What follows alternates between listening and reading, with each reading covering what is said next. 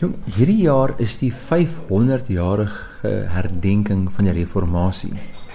So 31 Oktober 500 jaar terug het Martin Luther sy 95 teses in die kerk deur vasgespijker. En dis waar Houtkruis mos gaan. Houtkruis gaan oor die reformatie. Ek het Houtkruis geskryf om terug te kyk na die geloofshelde in ons gereformeerde geskiedenis wat die waarheid in die skrif oopgebreek het. Luther en sy sy generasie. En dis hoekom ek ek het Fox's Book of Martyrs gelees. Mm -hmm. En dit besef maar hierdie mense moet moet onthou word. Hierdie is 'n deel van ons kerkgeskiedenis wat ons nie van weet nie. Ons almal leef in ons verhouding met die Here baie keer ligtelik. Die sakramente word amper van van van selfsprekend aanvaar en ons be, is nie bewus daarvan dat mense met hulle lewens betaal het in die verlede. Dat ons 'n groter openbaring het van die evangelie nie. Ehm um, want daai geloofshelde was altyd deur die kerk van hulle tyd vervolg oor hulle waar hier in die skrif raak lees en dan dit aangryp. En dit plaas die politiek in die heilige kerk want is in 'n slegte posisie. En dan betaal hulle letterlik hulle lewens op brandstapels nog ja. En dis hoekom ek Houtkruis geskryf het. Ek het die film van Martin Luther se lewe gesien en besef, "Ag, ah, maar hierdie storie moet op die verhoog wees." En toe Houtkruis en mekaar gesit rondom dit. Renier, ek het in 'n vorige RSG kuns gepraat oor die produksie uit Diep van Donker Nagte wat nou die week te sien is wat ja. ook gaan oor die 500 jaar reformatie. Ja. Dit is kerkgeskiedenis, dis swaar dinge. Hoe hoe maak Houtkruis dit? Want ek meen dit dis 'n produksie wat 10 jaar terug gesien is wat ja. met baie lof ontvang is. Ja. Hoe het jy dit vriendelik gemaak vir gehore in aanhalingstekens? Ek dink wat belangrik is is is die evangelieë lewe. Hmm. Die kruis is 'n baie gruisame realiteit wat soveel lewe en vreugde bring. So om terug te gaan in 'n donker geskiedenis in. Maar in daai donkerte die lig te gaan vind en die lig te seevier, die lig te vier, te vier die feit dat mense die moed gehad het om met hulle lewens te kleef aan die evangelie van Jesus Christus. In daai donker plek is soveel lig. En ek dink dis hoekom Houtkruis so so goed ontvang was. Want dit is 'n donker stuk soos jy sê en ons hierna 'n bietjie humor in, maar ons het nie probeer om te vermaak nie. Is 'n storie vertel van mense wie diep geraak is deur hulle omgewing, die geloof van hulle tyd en die waarhede wat hulle ontdek. En as 'n biskop wat op 'n roete is om die um, reformatie en die protestante in Duitsland te gaan onderdruk, dis sy mandaat vanuit Rome. Hy daag op in Würzburg om die gemeenskap te draai terug na die kerk. Hulle het laat prekeer om die paus, die pope en die kerk te volg. En word daar gekonfronteer deur sy eie sonde van sy verlede. En dan hoop hy hierdie Luther vind is reg. Want as hierdie teologie reg is, kan al sy sonde wat hy nou in die gesig staar, waaragtig vergewe wees. Geloof alleen in Christus red. Die krisis is as hulle reg is, is sy amp as biskop in die kerk gedaan. Hy moet kies tussen godsdiens, posisie in kerk en Christus. En ek dink baie Suid-Afrikaanse gelowiges is gereeld by daai kruispunt. Ek is gereeld daar. Want baie keer is my verhouding met die Here verval in gewoonte, verval in ritueel. Mm. En ek hoor nie meer sy stem nie en ek en ek voel nie meer sy hart nie en ek is besig met sy dinge en nie met hom nie.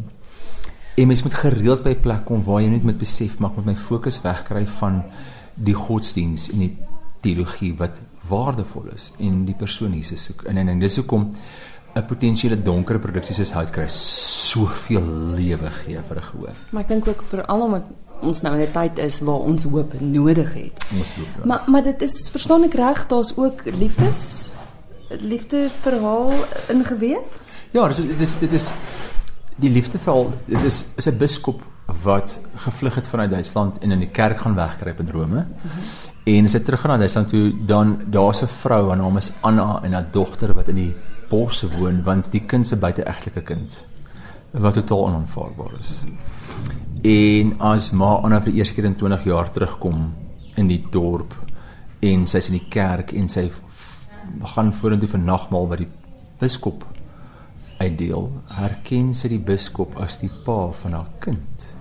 En hy herken haar as sy verlede wat hier in die kerk voor hom kniel. Dat hy by die kerk instorm. En dis 'n ou liefdeverhaal. Interselfs is daar jong Ma Anna en die buiteegtelike kind Katarina. Mm. Katarina is uiters onskuldig. Sy is 20 maar sy tree 12 op want haar ma beskerm haar teen die boosheid van die wêreld. So sy word in die woud weggehou van die realiteit daar buite. So sy's baie naïef. Mm. En sy is hierdie nuwe hierdie nuwe monnik in die dorp en so wonderlik en hy's so lieflik en hy's so fantasties. So sy's verlief op hom, maar sy weet dit nie. En hy neem geen ehm um, dit hy by dit nie uit nie. Hy is baie eerbiedig teenoor haar. Hy hanteer haar soos net een van die mense in sy gemeente en hy en hy vind haar baie vol energie en interessant, maar daar's niks van sy kant af nie, want hy's 'n hy's rein van hart. Ehm um, maar dan gebeur dit sodat dat sy saam met bid verwys het as sy lewe in gevaar is want hy verkondig die evangelie volgens Luther se leerlinge en leringe en uh volgens die edik van van Worms is dit verbied en sy lewe is dan gedrang. En sy probeer hom beskerm teen die kerk die, die jong meisie. So daar's 'n ligte romanse daarin maar sy en die monnik doen uh, koosdoop se gebed. Is hulle bid vir wysheid. Maar hulle sing dit as 'n duet. Dit kom amper as 'n liefdesduet oor. Want daar's baie emosie tussen hierdie twee karakters maar baie rein baie suiwer maar dis dan hierdie iets wat gebeur so dis 'n ou liefde wat mekaar weer vind en daar is konflik en vergifnis in en dit bring ook dan die biskop by 'n kruispunt waar hy 'n totale karakter verandering moet ondergaan Jy praat oor die musiek gebed. Daar's baie bekende musiek in ja. Houtkruis. En uh, Via Dolorosa, mm -hmm. hierdie kind, gebed van Koos Doep. Dona Nobis, gee ons vrede. Ehm um, Houtkruis natuurlik die finale. Ehm um, Prophets uh, Eli Lama Sabachthani, uh, Gloria Tibi, uh, die seënbede. So klomp bekendes. Ook kom be, klomp bekende wel 10 jaar terug was dit die groot treffers gewees in Afrikaanse geestelike musiek. Maar en hier dis nou 10 jaar terug mm. uit die aard van die saak seker 'n hele nuwe rolverdeling. Ja. ek kon Jannie Moelman kry om die biskop te speel. Kyk, ek wou altyd graag vir Jannie 'n rol gehad het. Nou het jy. En nou het ek hom. en ek's baie dankbaar. Die vorige biskoppe was lieflik maar net ek vir Jannie. So ek is baie baie baie opgewonde. Ek het net nou nog 'n bietjie gesels oor die rol in in verwerk aan die musiek saam en ek kan van die musiek bietjie transponeer op kan die toonaarde hoor maak want hy kan net sing waar niemand ja. anders bykom nie. So kan die musiek baie sterker maak met sy vermoëns. So ek sien baie uit daarna. Hy is opgewonde. Hy het lanklaas toneel gespeel. So ek sien uit na hierdie uitdaging en hy werk so hard alreeds. Hy ken al die teks. Ek baie beïndruk. En ehm um, hy speel teenoor om Robekus wat nie begin daar was en daar's net een om rol. Uh Robekus en dan het ek visita Pretoria gekry om Katarina te speel, die jong meisie te speel. Edrine Erasmus is onbekend. Ek dink sy gaan lank onbekend wees nie, want Edrine was nog in al my produksies gewees. Sy was in Esther, sy was in Droomkind, sy was in van my pantomime, sy was in Aspoestertjie gewees. Ehm um, sy is net die aktrise wat enige iets kan doen. Sy kan 20 speel, sy kan 80 speel. Edrine en sy speel maar Anna. En dan het ek uh van Marno van der Merwe gekry om die jong monnik te speel. Hy was in die oorspronklike produksie was hy een van die soldate. Edrien was in die oorspronklike produksie in die koor gewees. Sy was die bakker se vrou. En daar's soos lekker ja. Terugblikke teruggryp.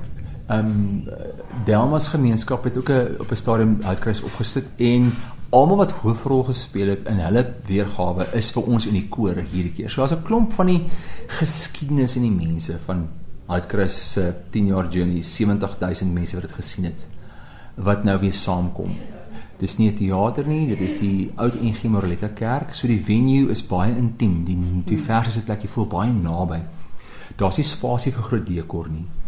So dit my uitgedaag om kreatief te wees met die mense in die spasie. Ek is so opgewonde oor die nuwe aanslag op die produksie want ons speel dit baie sterker. Die tempo tel ons van alles trans baie die tempo op van die produksie.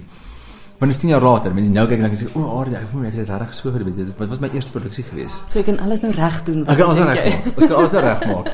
Hoorie Marinier, wanneer is dit te sien? 3, 4 en 5 November by die oud NG Moreletta Kerk, Choose Life Kerk in Rubensteinstraat, Moreletta Park. En die kaartjies is beskikbaar by iTickets en dit begin by R120 op na R200 toe. En ja, bring mense kom sien Houtkrys die musical. Ehm um, want baie mense het Esther en Dawid gesien.